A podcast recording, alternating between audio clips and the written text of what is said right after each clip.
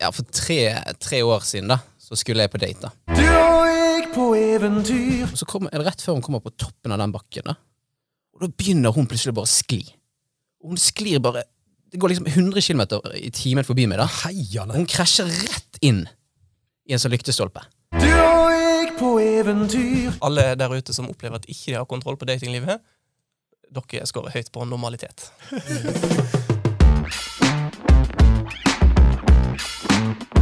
Du hører Mannspodden. Jakten på mannsidentitet. Bli med Andreas Skjelde og Einar Helgaas på din vei mot autentisk maskulinitet.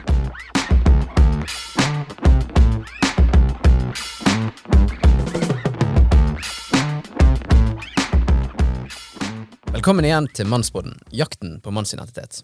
Jeg er programleder Andrea Skjelde, og Einar Helgaas er som vanlig vår mannsguide. Nå begynner vi å bli virkelig varme i trøyen, altså. Vi er ferdig med de aller første episodene, og dette såkalte mannstoget ruller med full tyngde. Men Einar, hva er det som har skjedd? Jo, altså jeg tenker Vi har kommet over den første kneika, og det er jo veldig fint for oss. Men det som er så veldig kjekt, det er at vi har fått veldig god mottakelse. Det hagler inn med meldinger til oss fra hele landet, og det aller meste har vært veldig positivt. Heldigvis er det òg noen modige sjeler som har gitt konstruktiv respons, og det er vi, ja, det er vi veldig takknemlige for, for vi har lyst til å utbedre og øke kvaliteten på podden framover. Folk sa til oss at det tok lang tid å bygge opp en podkast, men det ser egentlig ut som vi har truffet en nerve, Andreas, for den har jo spredd seg ganske raskt til mange miljøer i landet. Ja, det kan se sånn ut, og noe av det kjekkeste tilbakemeldingen vi får, det er jo sånn folk sier sånn Kommer ikke det en ny podkast ut nå, liksom? En ny episode? Må vi vente to uker? Jeg syns det er bare Come on, det er så kult.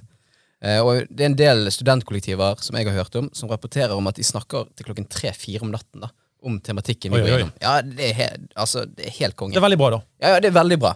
Eh, men vi hviler jo ikke på laurbæra. Nei, nei, Vi har en eh, ganske lang liste over spennende gjester og, og temaer som vokser fra uke til uke, så eh, vi gir oss sikkert når vi er rundt 60, eh, Andreas. Ja, og i dag I dag så skjer det, da. Altså Dette er den, en av de episodene jeg gleder meg mest til. For vi skal snakke om det som iallfall berører meg. Kristendating.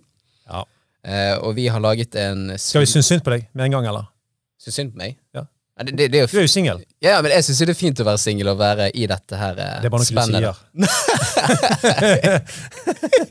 Men greit, du, altså, vi, men vi har jo en svulstig ambisjon her er for fire episoder om dating som blir sluppet utover vinteren og våren. Mm. For Mannspodden tar nemlig mål av seg å knekke kristendating-koden. Det gjør vi ikke bare meg og deg, men vi gjør det sammen med ekspert og hovedgjest Hans Christian Sugustad Kåle. Ja, og Hans Christian, jeg bare digger ditt saying i masteroppgaven, da. Å date som kristen er ingen lek. Det er som Hunger Games, bare verre. Men er det virkelig så gale? Da må vi jo begynne med å sende honnør dit honnøren skal, og det er jo først av alt til Morten Eikeli, som har eh, skal vi si, coina det begrepet, at eh, å date som kristen er ingen lek, det er som Hunger Games. Um, og for de som ikke er kjent med Hunger Games, så er det rett et filmkonsept. Det er egentlig faktisk et bokkonsept som er blitt gjort film av. Um, der man sender masse ungdommer ut i felt for å drepe hverandre, og den som står igjen til slutt, har da vunnet. Og sånn kan det òg oppleves med dating. Fordi det er ganske brutalt, altså. En del av de eh, Både det å kjenne på avvisninger, men det krever òg en del mot. Både å, eh, Nå blir du jo trukket ut tilfeldig hvis du blir med i Hunger Games, så det krever ikke så mye mot. Men det å være den som stiller seg sårbar gang på gang på gang på gang og inviterer ut på date, det Altså- føles ganske, kan føles ganske fælt. Jeg får en assosiasjon, for jeg holdt på å lese en bok om mannen som snakker om hvordan det var for flere tusen år siden. Og Da blir menneskene beskrevet som dyr. At liksom at, at, at uh, hannene Hanne da leitet etter de fertile eh, damene og, og omtrent drepte hverandre for å, for å få de da, og mener at, vi da har vært en, at det har vært en evolusjon derifra. Men anyway, det, ja. jeg, jeg skjønner det er heftig, og, og, og derfor er det bra vi skal ta for oss dette. Og, og det er viktig å påpeke at det er ingen i kristendating som dreper hverandre. da. Men uh, jeg kjenner meg godt igjen i beskrivelsen. Det det er tøft der ute. Mm. Men Kan du fortelle litt kjapt om utdanning, alder og kanskje hvor du bor? Mhm. Jeg blir 32 i år. Eh, er utdannet samfunnsviter. Eh, med da spesialisering i globalisering og interkulturell kommunikasjon. Bor for tida i Trondheim og jobber eh, Holder på å ta over som daglig leder i en nødhjelp- og bistandsorganisasjon. Mm. Men du høres ut som vestlending, egentlig. Egentlig. Det er helt rett. De fleste tipper jo Stord eh, i det området. Men jeg har bodd ca. ti år i Norheimsund og ca. ti år på Os. Eh, føler meg like hjemme og fremmed begge plasser. Ok. Ja. Ja, Os er fantastisk, da. det må sies. Men du, vi sparer selvfølgelig ikke på kruttet når det er mannspodden, da. Så vi går rett på sak. Så Hans Christian, hvor mange jenter har du datet før du traff din kone? Ja, Det kunne jeg jo sagt i presentasjonen, at jeg er jo gift. Ja, du kunne gjøre det. jo- Ja. ja, aldri stol på en tynn kokk, og ikke stol på en singeldatingekspert, pleier jeg å si. Um, før jeg traff Hanne, vi møttes jo i 2014, så eh, har jeg data et sted mellom 15 og 20 jenter. Det kommer litt an på åssen du, hvordan du teller. Jeg trodde det var bare 14. jeg. Du Ja. har vel jammen lagt deg i selen. Regner du med ungdomsskolen her òg, eller? Nei, her regner jeg da fra første klasse videregående. For jeg mener at alt før første klasse videregående, det teller egentlig ikke. Det teller ikke. Nei, Stakkars det- de som syns de hadde et bra tall, og så var det Ja, ja. mye morsomt som skjedde på ungdomsskolen. Jeg, føler, jeg føler jeg må gå nå. Jeg kan jo skal ikke si Det er viktig med god data når man skal skrive masteroppgaver om dating. Mm. Um, ja, nei, jeg data cirka der, ja. Jeg har vært kjæreste med fem av de uh, i opptil et halvt år. Seks av de, der var vi begge enige om at vi data. Og resten, de er litt diffuse, da. Jeg oppdaga i enkelte tilfeller at det, det var bare jeg som var på date. Og det er noen ganske spennende samtaler å ha, når du plutselig oppdager at å ja, det jeg har lyst til å gå videre med, det du, har ikke du peiling på. vi, Du vet ikke at vi er oppe i noe som helst, du. Eh, så det var mm. Men kan jeg spørre deg, altså, er, det et magisk element i dette med mann, kvinne og dating, eller er det sånn at eh, man helst skal vite alt? Vi kommer jo mer inn på dette. Altså, Trenger man å ha full kontroll, eller er det liksom Ja, det var en del diffuse greier. Er ikke, er ikke det liksom fabric of life? Jeg tenker hvis, hvis du i en datingrelasjon har full kontroll, da grenser du inn på eh, psykopattendenser. Så da mm, Da er vi enige. Alle der ute som opplever at ikke de har kontroll på datinglivet, dere scorer høyt på normalitet. Men du, har du møtt noen som har datet flere enn deg, eller, har det vært en sånn ja, ja. konkurranse her der du vant? Nei, jeg har møtt, eh, møtt flere som har uh, data flere enn meg, hvor, hvor da begge har vært enige om at de data. Både jenter, faktisk, og eh, gutter har jeg møtt som, uh, som scorer høyere enn meg på dette. På, ja, eller flere tabber, da, kan vi si. Ja. Mm. ja, men Så godt for deg.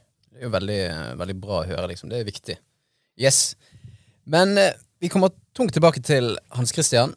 Men først så skal vi lansere en ny fast spalte i poden vår. Eh, og en av dette er jo en av dine tåpelige ideer, da. Om jeg har lyst til å si det sjøl. Men hva er greia, Einar? Nei, selvfølgelig. Altså, Jeg kommer jo fra Åsane, så hva venter du fra meg? Altså, altså, Jeg har jo tenkt at når folk hører på selveste Mannspodden, så kan de få en feeling av at oi, oi, de karene der de er sikkert de råeste gutta, de mest selvsikre, ultimate og kule i hele kongeriket. Og gi det var så vel, men ja, altså, jeg tror ikke det er sånn veldig bra, da. For det som jeg tror, det er at i realiteten så knyttes mennesker mest sammen i svakhet, og ikke i styrke. En skal ha veldig sterk rygg for å tåle andres styrke, og noen gjør det. Men for de aller fleste så senkes skuldrene veldig Andreas, når de kjennes igjen i andre sin fu- ufullkommenhet. og altså, Nå er det altså vi som er disse andre. Og Derfor så får denne spalten det megetsigende navnet For noen merkelige typer. Ja, ja. sant. Men Andreas, du er jo ung, sykt lovende, vil jeg si. og Kan ikke du bare klinke til med noe helt latterlig fra ditt liv? Ja, ok, denne historien Helst noe som folk kan gapskratte av. Kan, kan du stille med Folk Altså- liker god underholdning, ok? Ja, folk liker god underholdning, da. Men altså, denne historien er helt syk. da. Denne historien har liksom alt. Det er liksom legevakt, det er kleinhet og ja. Alt som kan gå gale, går gale. da. Nå må du levere. Ja, jeg kjenner på det nå. Nei, fordi at eh, ja, For tre, tre år siden da, så skulle jeg på date. da. Og da var vi, det var ca. februar.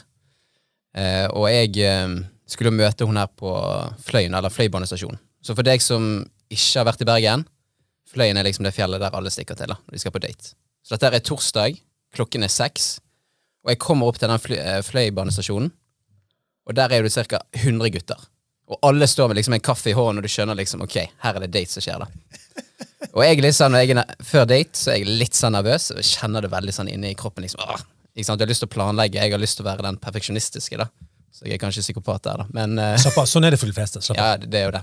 Uh, men så kommer jeg opp der, da. Uh, og når jeg blir nervøs, da, så er det sånn at enten så blir jeg helt stille, eller så snakker jeg ganske mye.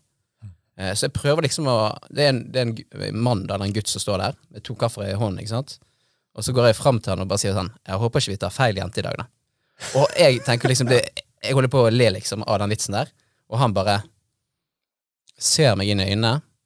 Drep, liksom. Ja, han dreper meg, liksom. da. Det blir skikkelig kleint, og jeg blir jo bare enda mer stresset. ikke sant? Så jeg bare må sitte meg der på benken og roe meg ned.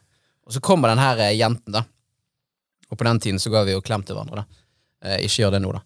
Eh, og så går vi oppover eh, eh, Fløyen, da. Eller oppover mot Skansen. Ikke det det heter? Jo da. Eh, og så, um, så Det er jo glatt, ikke sant? Det er jo februar. Så det er glatt ute. Eh, og jeg syns jo det er bra, for det er litt sånn spenningselement. Ikke sant? Du kan koble over spenning. ikke sant? Så, ligger dere her. Ja, Men så, så går vi oppover en sånn bakke, da. Og det, det er glatt, liksom. Jeg kjenner at jeg begynner å skli litt, og hun begynner å skli litt. da.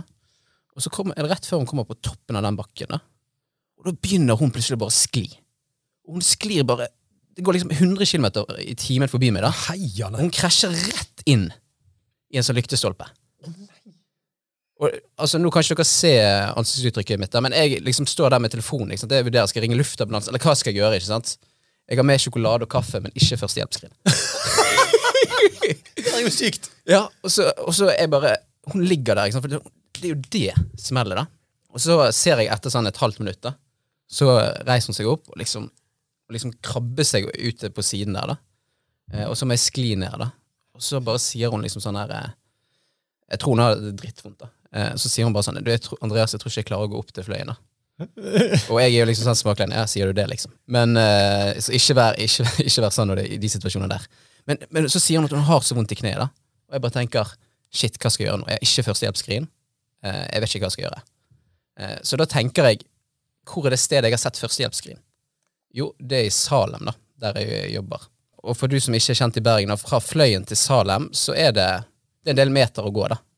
Så jeg sier til henne, du, jeg vet hvor det er førstehjelpsskrin. Eh, så hun begynner å hinke på én fot. Hinker fra eh, Fløyen til eh, kino, altså det der ligger rett med Bergen kino. 10-15 minutter sikkert. 10-15 minutter med hinking. Og jeg, jeg, jeg bærer jo ikke henne engang, jeg. Så jeg er jo skikkelig gentleman der, da. Hun har jo drittvondt. Du bare ser at det er bare så mye smerte og bare, ja. Og så kommer vi til kontoret. Der er selvfølgelig sjefen min, Christian Lilleheim, pastor. Eh, og jeg finner frem det førstehjelpsskrinet. Det må jo være redningen når du møter pastoren. Ja, han ba jo for oss, da. Nei da, men eh, Men så tar vi opp det for å se det kneet, da. Og det er bare helt ødelagt, da. Så det som skjer, det er at Christian, han må kjøre, altså pastoren min, må kjøre oss til legevakten, og eh, på legevakten så kommer hun rett inn. Jeg venter tre timer der. Akutt. Eh, hun syr elleve sting. Elleve sting. Og, det- og det er ingenting i forhold til den der eh, bilturen med min pastor, da. Var det stille, eller? Ja, Det var stille og kleint, og det var liksom sånn ja. Så jeg jeg har fått høre det ganske, da. Så, så det er liksom en sær historie om meg, da. Eh, det ble Jeg, altså Andreas, jeg synes det var såpass kleint og flaut at jeg forstår, forstår nesten ikke at du turte å fortelle det. Nei, det, det, hva, tror, hva tror du folk vil tenke om deg når de møter deg på gaten? Altså, det er jo podkast, da, så de har jo ikke sett meg, da. Nei, det var det. Men ble det en date nummer to? Det ble faktisk det. Det, det, det, det jeg syns var Oi! veldig merkelig. da. Gjennom vind og storm så blir man styrk... Ja, jeg vet ikke. Nei, fordi Hennes venninner mente at det var liksom sånn romantisk komedielignende. Det kommer vi tilbake igjen til. da. Men jeg syns jo det var Ja, Jeg lurer på hva slags komedie de har sett. da. Men ja. Yes, men du Einar. Det var jo nok om meg, da. Har du noe eh, En gal greie? En klein greie når det kommer tenker til du på dating? Ja, aller helst, da. Ja, altså, altså, jeg har jo heldigvis vært lite på dating siden jeg gifta meg. da. Det er jo, eh, Der har jeg vært genuint dårlig.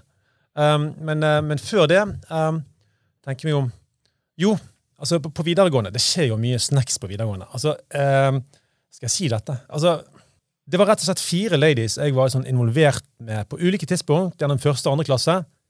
Og dessverre av og til parallelt. Og Det tror jeg Hans Christian har skrevet noe om i oppgaven sin. Det er ikke sånn, jeg tror han sier det ikke er lurt. og Derfor så innrømmer jeg at uh, fy søren, det der var ikke bra. Men altså, jeg var en ungdom med et altfor stort oppmerksomhetsbehov, og særlig fra jenter. Og For min det var det egentlig et, det var et, det var et salig kaos på Daniels Nidarane på uh, de, de, de, de tider. Og Det mest idiotiske var at jeg var så intens uh, umoden og blå at jeg ble med en venninne hjem. Hun hadde kjæreste. Heldigvis var det uskyldige greier. Det ble ingen barn av dette, men det, var, det ble litt sånn hett mellom oss. Jeg må bare si eh, eh, ikke bra. Ja, Det høres ikke bra ut, altså. Men eh, det høres jo nesten ut som et stevnemøte, som det het i gamle dager. ja, dessverre. Yes, men da eh, det, det var jo en eh, Jeg visste ikke om det greiene. Jeg er litt sånn sjokkert ennå. Men ok, vi må, vi må bevege oss Ja, videre. altså, livet må gå videre. Livet må gå videre, som vi sier. Men det er nok om oss, da. Eh, og Hans Christian, hva er liksom bakgrunnen for denne her masteroppgaven du skrev, skrev om kristen date? Mm. For det er liksom et originalt tema. Det er ikke så mange som jeg vet det, har skrevet om dette. Nei. Det er Jeg har òg til gode å møte noen som skriver om kristen dating. Jeg har truffet et par som har skrevet om dating og Tinder og sånne ting, men det, men det er nå greit nok. Um, helt ærlig så var egentlig grunnen til at jeg skrev om kristen dating, fordi jeg opplevde at gutter og jenter var så utrolig uenige om spillereglene. At jeg tenkte i litt eh, Jon Almaas-stil at nå bare tar vi en runde, finner vi ut hvem som har rett, og så legger vi han død. um, og er ganske selvsikker i at det er gutter som har rett. Men uh, det har jo vist seg å være, ganske, ganske komplisert. Mm. Jeg tror ikke det fins en rett og feil. Jo, det fins en rett og feil skala i så fall. Og så blir det plassert på en, eh, et sted på midten der, faktisk. Mm. Det blir ofte sånn, da. Ja, eh, Det er jo det som er det kjipe svaret. Ja. Ja. Ja, og Hans Christian, I denne masteroppgaven da, så skriver du om at du møter noen gutter, og du opplever sjøl noe. Kan du beskrive litt mer Mhm. hva som skjer? Det som skjedde, var at våren i 2014 så satt jeg og drakk kaffe med en god venn her i Bergen. Og han eh, Vi hadde snakka om livet og løst og fast, og sånt, og så kommer vi jo inn på dating. Som man ofte gjør når man er to single gutter som møtes. Og da fortalte han meg nettopp at han nettopp var blitt dumpa etter den tredje koppen med kaffe. Eh, jenten som han hadde, han hadde invitert ut for noen uker tilbake, hadde vært oppriktig interessert når de møttes, og de hadde hatt det fint og vært på da tre kopper kaffe. Eh, altså tre dater, som vi heller kaller det. da. Ja. Eh, og trivdes godt i hverandre sitt selskap. Når han tok initiativ til å møtes en, en fjerde gang, så fikk han beskjed om at ehm, vi har hatt det mye moro sammen, men la oss heller avslutte det nå og bevare vennskapet. Og for han da, så ble jo det en liten Han opplevde jo ikke det så mye som en avvisning, for han òg tenkte det at ja, men det er helt topp, det. Vennskapet er jo et godt fundament, og vi er jo begge ute etter gode fundament i livet vårt. Så han inviterte jo da til en vennskapelig tur til Fløyen. Jeg har skjønt at det er populært i Bergen. Ja. um, og da hadde hun blitt ganske frustrert og spurt om ikke han forsto hva hun mente. Ops. Oi. Mhm. Og eh, der var det jo rett og slett sånn. Det gjorde han jo ikke. Han eh, Hun hadde jo prøvd på en litt sånn, sånn eh, hyggelig avvisning. Eh, men eh, for han så var jo ikke dette en avvisning. Og for meg så var det den lille småsteinen som satte i gang et helt steinras.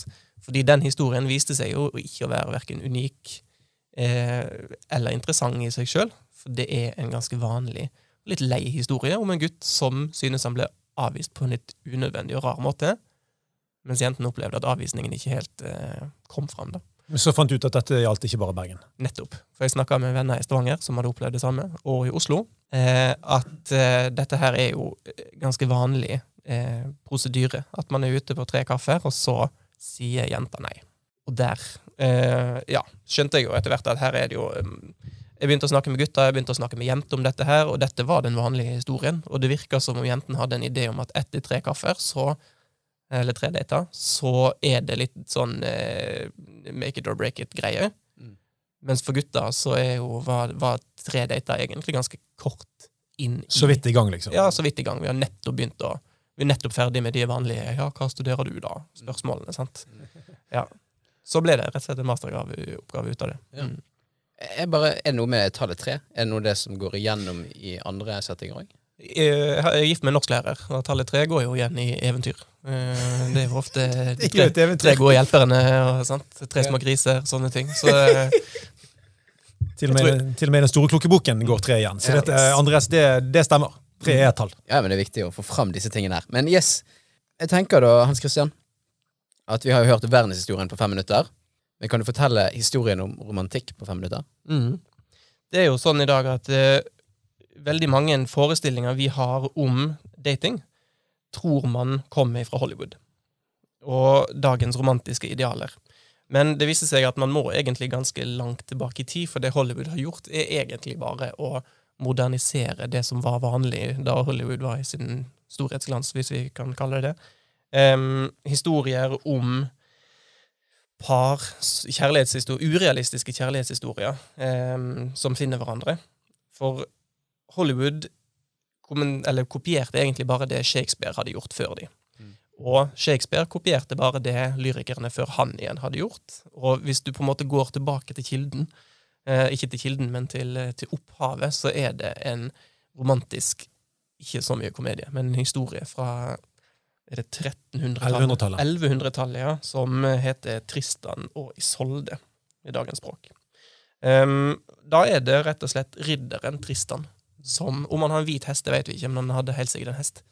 Eh, som skal frakte dronning Isolde til bryllupet sitt. Hun skal gifte seg med sin, uh, sin onkel. Um, Hørtes spennende ut. ja. Og eh, heldigvis da, så har eh, dronning Isolde en mor som er ganske god med urter og den type ting, så hun har laget et kjærlighetsbrygg. Mm. Og på veien til bryllupet så blir Tristan og Isolde tørst og ber om å få noe å drikke. Og så driter tjeneren seg ut og gir de der kjærlighetsbrygget. Og da er det ingen vei tilbake. De to er nå så forelska og oppslukt i hverandre at sjøl ikke døden, i døden vil de glemme hverandre. For slik er dens kraft. De som drikker den sammen, vil elske hverandre med alle sine sanser, tenkte jeg, og hele sin tanke for alltid i liv og død. Og det er jo det som skjer. Eh, De er kjempeforelska, men bryllupet går jo sin gang. Så Isolde lever jo i et sånt forhold til en fyr som hun ikke liker, og er egentlig forelska i ridderen, som hun aldri kan gifte seg med, for de kommer jo fra to helt ulike sosiale klasser. Em, og den typen historie da, spinnes videre hele tida. Du finner variasjonen av Tristan og Isolde helt frem egentlig til Shakespeare skriver Romeo og Julie.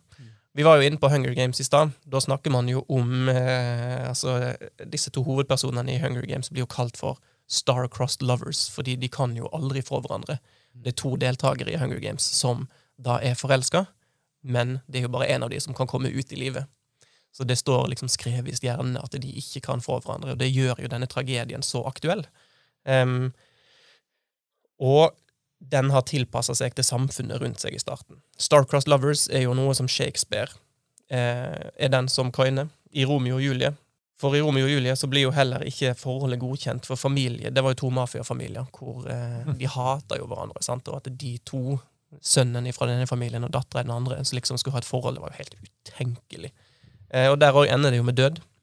Så kan vi spole enda videre frem til Casablanca, som er kanskje en av eh, Jeg skal ikke si de beste filmene som er laget, men den har jo skapt veldig mye eh, trender. da, Eller veldig mange filmer er sånn, baserer det er seg sånn på grunnarrativ Ja, på romantikk, sånn, rett og slett. Ja, det er en sånn grunnbok, egentlig. Hvis du skal se en sånn en film hvor alle filmene kommer ut ifra, så er det en god plass å begynne. Ah. Eh, der kan heller ikke hovedpersonene få hverandre. Hun er jo òg gift, dama i denne filmen. Og sånn fortsetter det frem, og du kan ramse opp nesten alle Disney-filmer. sant, har det jo også sånn. Eh, Pocahontas, Lady og Landstrykeren, Avatar, for å ta en som ikke er Disney. Og ja, tragedien forteller historier om paret som ikke kan få hverandre. Men dette med klasse det har jo endret seg. Og og Når var det det endret seg? At ikke du måtte gifte deg med en fra samme klasse, og, Mm. og som familiene var enige om for at de skulle utveksle jeg håper å si, eh, ressurser mellom Mm. hverandre og styrke hverandres bånd. Ja, i uh, den delen av verden som vi bor i, så er jo dette her en ganske ny trend. Det er ca. 100 år siden at, eh, at eh, man begynte å snakke om kjærlighetsbaserte forhold. Jeg pleier å si det når jeg har seminarer, at hvis dere spør oldeforeldrene deres om de gifter seg av kjærlighet, så er det ikke så er det litt sånn 50-50 faktisk om de gjorde det eller ikke. For det var mye vanligere før at ekteskap Det var jo en, en pakt, en kontrakt og en fornuftsbasert greie. Mer enn kjærlighetsbasert. Mm. Mm, mer, den kom etter hvert. Ja. Mm. Men jeg tror dette her med de sosiale klassene, jeg tror det henger jo enda litt igjen, da. Eh, For når man ser liksom på de store dataene, så ser man at eh, kvinner for eksempel gifter seg med de som har lik utdanning som de, eller Mm. høyere utdanning. Ja. Eh, og som regel, jeg tror gjennomsnittet i verden er fem år, Mm. der mannen er selvfølgelig litt eldre, da. Eh, så tror du denne her historien som har preget oss i alle disse årene, fremdeles ligger litt i grunnmargen, da, eller i ryggmargen? Jeg, jeg tror den gjør det. Altså, Hollywood er jo med å opprettholde dette her, fordi det er klart de bygger jo en kultur Eller hva skal vi si, vi bygger en kultur ved at vi fyller oss med inntrykk som vi kanskje ukritisk bare lar være en slags eh, en sannhet eller en, en greie. da.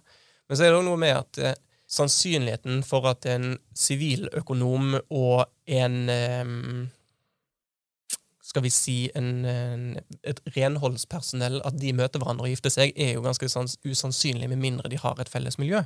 Det er klart at siviløkonomer gifter seg ofte med siviløkonomer, fordi dere møtes i eh, siviløkonomklubbene deres. Det stemmer. Mm. Og studietida. Yes. Uh, nei, men takk for det perspektivet der. Og hvordan ser du trendene er nå, Hans Christian? Um, trendene nå blant kristne med korona er jo eh, Mitt inntrykk er at de kreative guttene, de som gjerne liker å invitere ut på tur, og liker å gjøre aktiviteter utendørs, de, eh, sol, altså de er jo helt i sitt ess nå. Mens disse litt skal vi si ukreative folkene som liker å invitere på kino og kaffe, de sliter litt mer. Fordi Ja. det er jo ikke lenger Den Ja. arenaen er jo tatt vekk. Så det, det er tomt med ved på Rema 1000 nå, liksom. Gutta har brent opp det ute i skogen med Yes. sine ja. Mm-mm. Nydelig, altså. Og det bringer oss egentlig litt eh, til neste spørsmål. Er det noe sånn forskjell på kristendate og vanlig date? Ja, nå eh, Akademikeren i meg har lyst til å si definer vanlig date først. Så kan vi eh, snakke om hva forskjellene er. Men um, for sånn jeg så det, så var vanlig dating noe som ikke eksisterte. Jeg, I begynnelsen av oppgaven så snakka jeg jo med en del folk som ikke var kristne, eh, om hva er dine datingtips, eh, eller hva er dine datingvaner, og sånne ting. Og det viser seg jo at blant ikke-kristne så er jo dating noe man snakker veldig lite om. Fordi man ofte møtes på fest, og så tas selve daten på festen. Og så ender man eh, Hvis det er en god date, så ender man opp til sengs. Hvis ikke, så ender man kanskje opp til sengs neste helg. Men eh, det å invitere hverandre på date da jeg intervjua eller snakka med folk som ikke var kristne, det var noe som var helt uaktuelt på den tida. Og jeg tror der har vi kristne kanskje vært litt trendsettere, for det ser jeg nå flere og flere podkaster som begynner å snakke om dating i skal vi kalle det et sekulært samfunn, da. Blant studenter spesielt. Og man begynner å prøve å skape et slags språk rundt det. Og jeg ser òg flere og flere datingcoacher som snakker om ikke Altså, kjør edru date, da. Dropp alkohol på date. Ikke gå og ta en pils, ikke gå liksom og gjøre sånne ting, men prøv å gjøre et eller annet sammen. Something genuine. holdt jeg på å si. Ikke, Mm. ikke, ikke ro deg ned og, og, og, med, med drikkevarene for Mm. å bli trygg, liksom. Nettopp. Ja, og så tror jeg òg det er flere som snakker om at folk venter lenger òg Mm. i det sekulære med å ha sex. da. Mm. At det er kanskje en endring som skjer da. og Jeg tror VG hadde en artikkel om det, at det var ny slow dating da, pga. korona. Så det blir litt sånn spennende å se hvordan Mm. Slow dancing var jo veldig kult da jeg gikk i syvende klasse. Ja. Ja, det er helt riktig. Men så har du eh, Vulva-Oda, som skrev i Aftenposten var det vel, om at eh, nå bør vi ha mer eh, one night stands Mm. under korona. Ja. Så ble det litt diskusjoner rundt det. Så du har jo litt ulike, tra, eh, ulike innspill der. Men, Mm. men det vil jo kanskje da være at romantikk For at, altså, dating er jo veldig romantisk, mens det Mm. å spurte til sengs altså det, det virker litt mer sånn begjærbasert enn veldig romantisk, kanskje. Mm. Så, uten å kutte vekk romantikken fra det. Men da, høres det ut som det er en, en oppblomstring av mer romantikk. Mm, absolutt. Og jeg tror nok det er jo romantikk veldig mange vil ha. For det er klart at det å så få eh, tilfredsstilt begjær er jo en sånn, litt sånn one-off. Du du kjenner veldig på begjæret, og så er du ferdig med det. Men den romantikken, denne forelskelsesfølelsen, er jo ofte den veldig mange ønsker, da. Ja, men Spennende det du snakker om der, Hans Christian. Når det kommer til forskjeller rundt om i Norge, hvordan vi ser liksom på sex før ekteskap, eh, samboerskap, har du gjort deg noen tanker rundt det? I de største byene i Norge i dag, i de store menighetene som har store andeler av studenter, så blir jo menighetene noen eh, miniatyrsmeltedigler hvor du møter folk fra hele landet. Du har nord og sør og øst og vest, og indre og ytre eh, misjon. Og um, det ene og andre. Og her har man folk som har ulike meninger. Og jeg er usikker på hvor mye det blir prata om i de ulike miljøene, men det er jo uansett bra å snakke om det. og for du vil bli utfordra på det. Man er jo i en periode hvor man får meningene sine Man blir utfordra på, men, på meningene sine. Så jeg har ikke sett noen tydelig tendens i de menighetene som jeg har snakket med om dette her. Men jeg vet jo at det er forskjeller på øst og vest, og det Einar, vet vel du mer om enn meg, strengt tatt. Jo, jo. Ja, altså At en har et mer liberalt syn på eh, type samboerskap, seksualitet eh, i øst, i eh, den østlige kristenhet i Norge. Jeg håper å si Østkirken. Men, men enn på Vestlandet, eh, det eh, tror jeg er riktig. Eh, en ting som jeg òg syns er spennende, om dere har hørt noe om, det er at jeg har hørt rykte om at eh, en del eh, gjerne underviser mindre normativt om det òg. Altså at det, det, er noe hver enkelt må finne ut sjøl. Eh, mm. og, og, det vil jo jeg stille spørsmålstegn med om er en god vei. Altså, Man underviser fra Bibelen på alle mulige ting, men så trekker man vekk det om sex, for det skal folk finne ut sjøl. Men har dere sett noe på det? Hørt noe om det? Uh, der kan jeg nok snakke mer om erfaring uh, som kan vi si, privatperson i stedet for masteroppgaveskriver, at det eneste jeg har hørt undervisning Det eneste jeg har hørt av undervisning på disse tingene, det var jo da jeg gikk på bibelskole på Akta i Stavanger. Eh, I Kirkens bibelskole. Da snakka vi om samboerskap. Eh, både ut ifra et bibelsk perspektiv, men òg ut ifra et eh, skal vi kalle det et sosiologisk perspektiv, da, hvor det ble dratt frem eh, ja, hvor det ble snakka om det som typisk blir sett på som de tradisjonelle fordelene med å bo sammen før man gifter seg.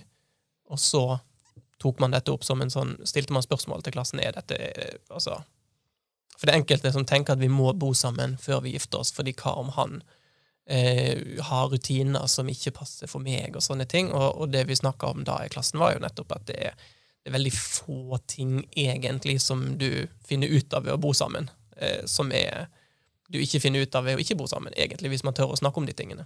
Mm. Og, og, det du sier òg, er, er, jo Min erfaring er at de menighetene som snakker lite om dette her, er òg der folk er mest usikre på det. Mm. Fordi i de samtalene jeg har hatt sjøl med folk om samboerskap eh, og om sex før ekteskapet eller ikke, så er det stor forskjell på de som kan referere til 'jeg husker da pastoren tok opp dette', mm. og de som ikke har noen huske av at dette har blitt tatt opp, men som har funnet ut av det sjøl. For, for, mitt spørsmål vil være om det er en unnfallenhet da, fra en studentpastor i en eller annen by som da velger å ikke ta det opp, fordi det er touchy, og fordi folk har så mange meninger om det, når, når vi, vi, sitter på, på, eh, på, Bibelen som er så veldig tydelig på det. Da blir det litt sånn, eh, Den er vanskelig for meg å, å se helt. Og når du òg snakker om at en del er usikre i en setting der det ikke blir tatt opp, mm.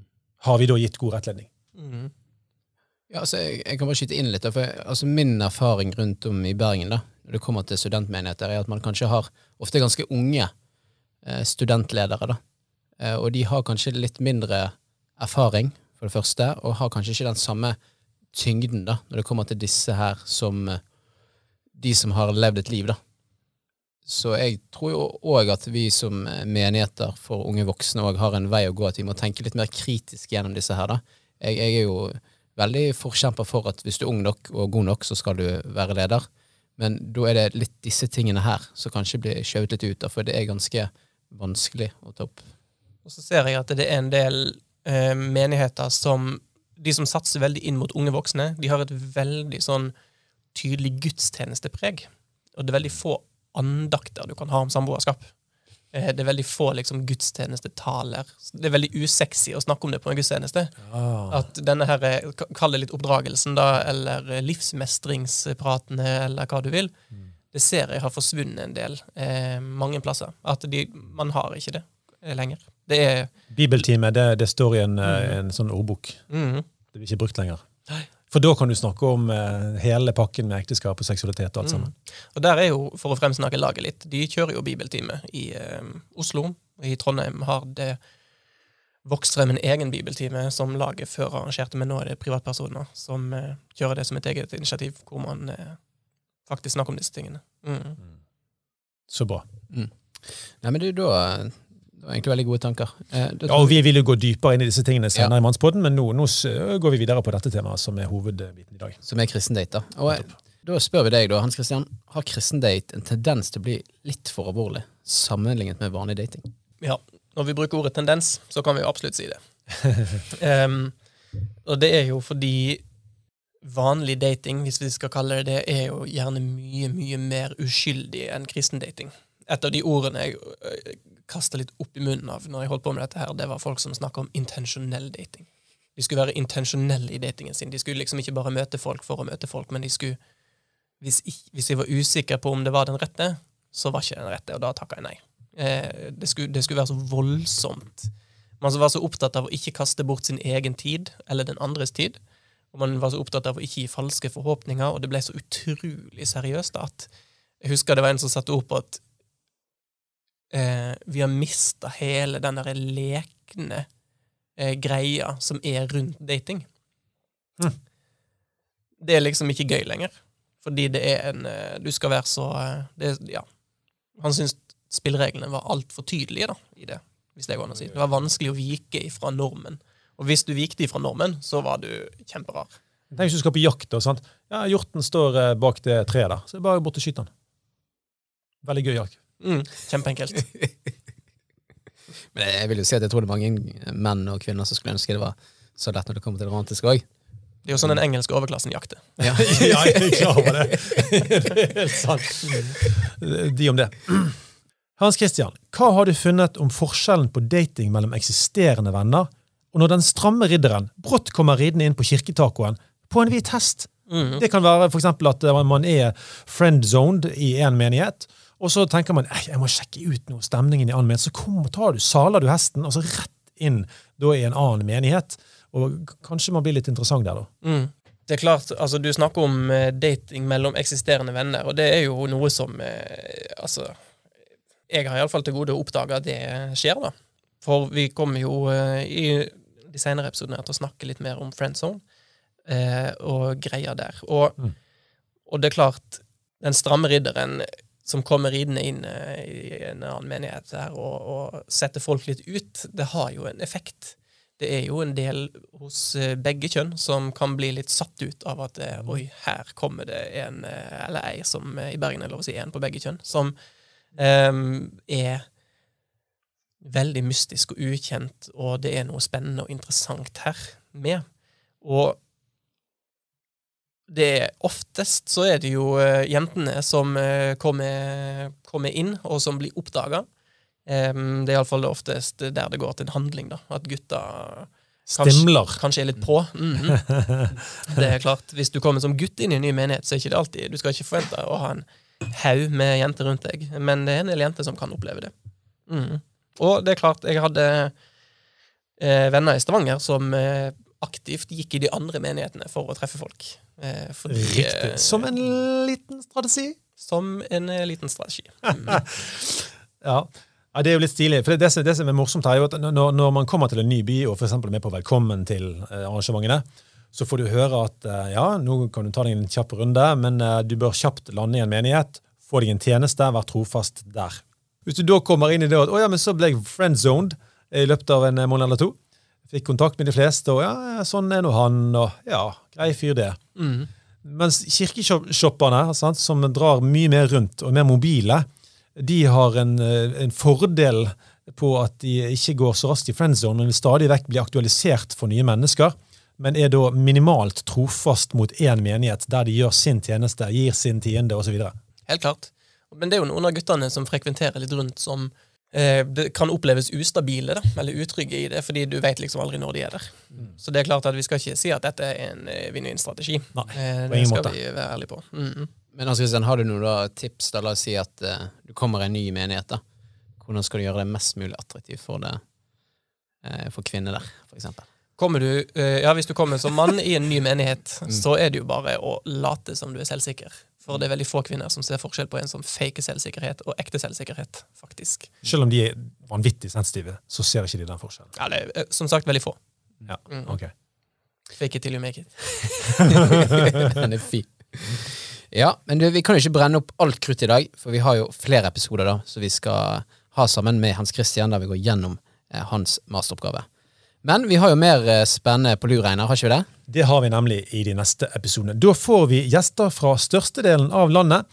Vi får besøk av to studenter fra Bergen, og over nett faktisk fem studenter fra Stavanger, Oslo, Hamar, Trondheim og Tromsø.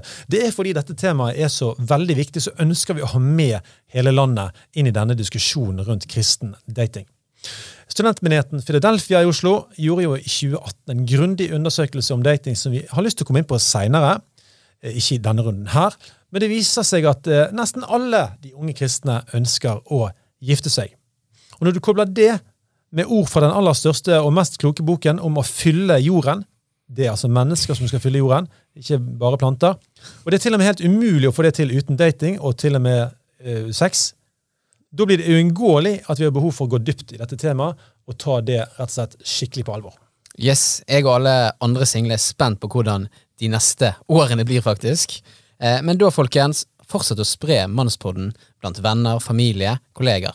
Ja, og gutta, særlig spre denne til fem kamerater. Altså, Hvis dette tar tak, altså, eh, få den rundt. For dette, dette tror vi eh, er konstruktivt. Dette tror vi folk trenger. Og Del gjerne episodene på sosiale medier, og følg oss på Instagram for oppdateringer. Spør deg inn i Facebook-gruppen vår. Der heter vi Mannspodden.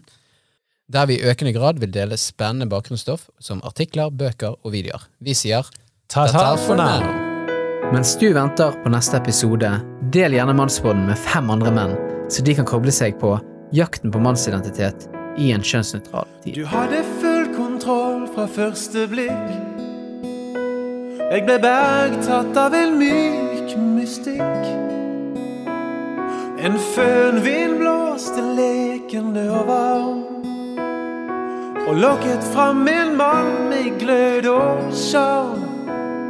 Der begynte min kamp for en kvinne som bare jeg skulle vinne, og det ble du og jeg på eventyr. Vi dro til Praha og Paris, forført av hverandre og jordbæris. Du og jeg på eventyr, helt opp på Jotunheimens fjell. Beruset av en drøm fra morgengry til langt på kveld.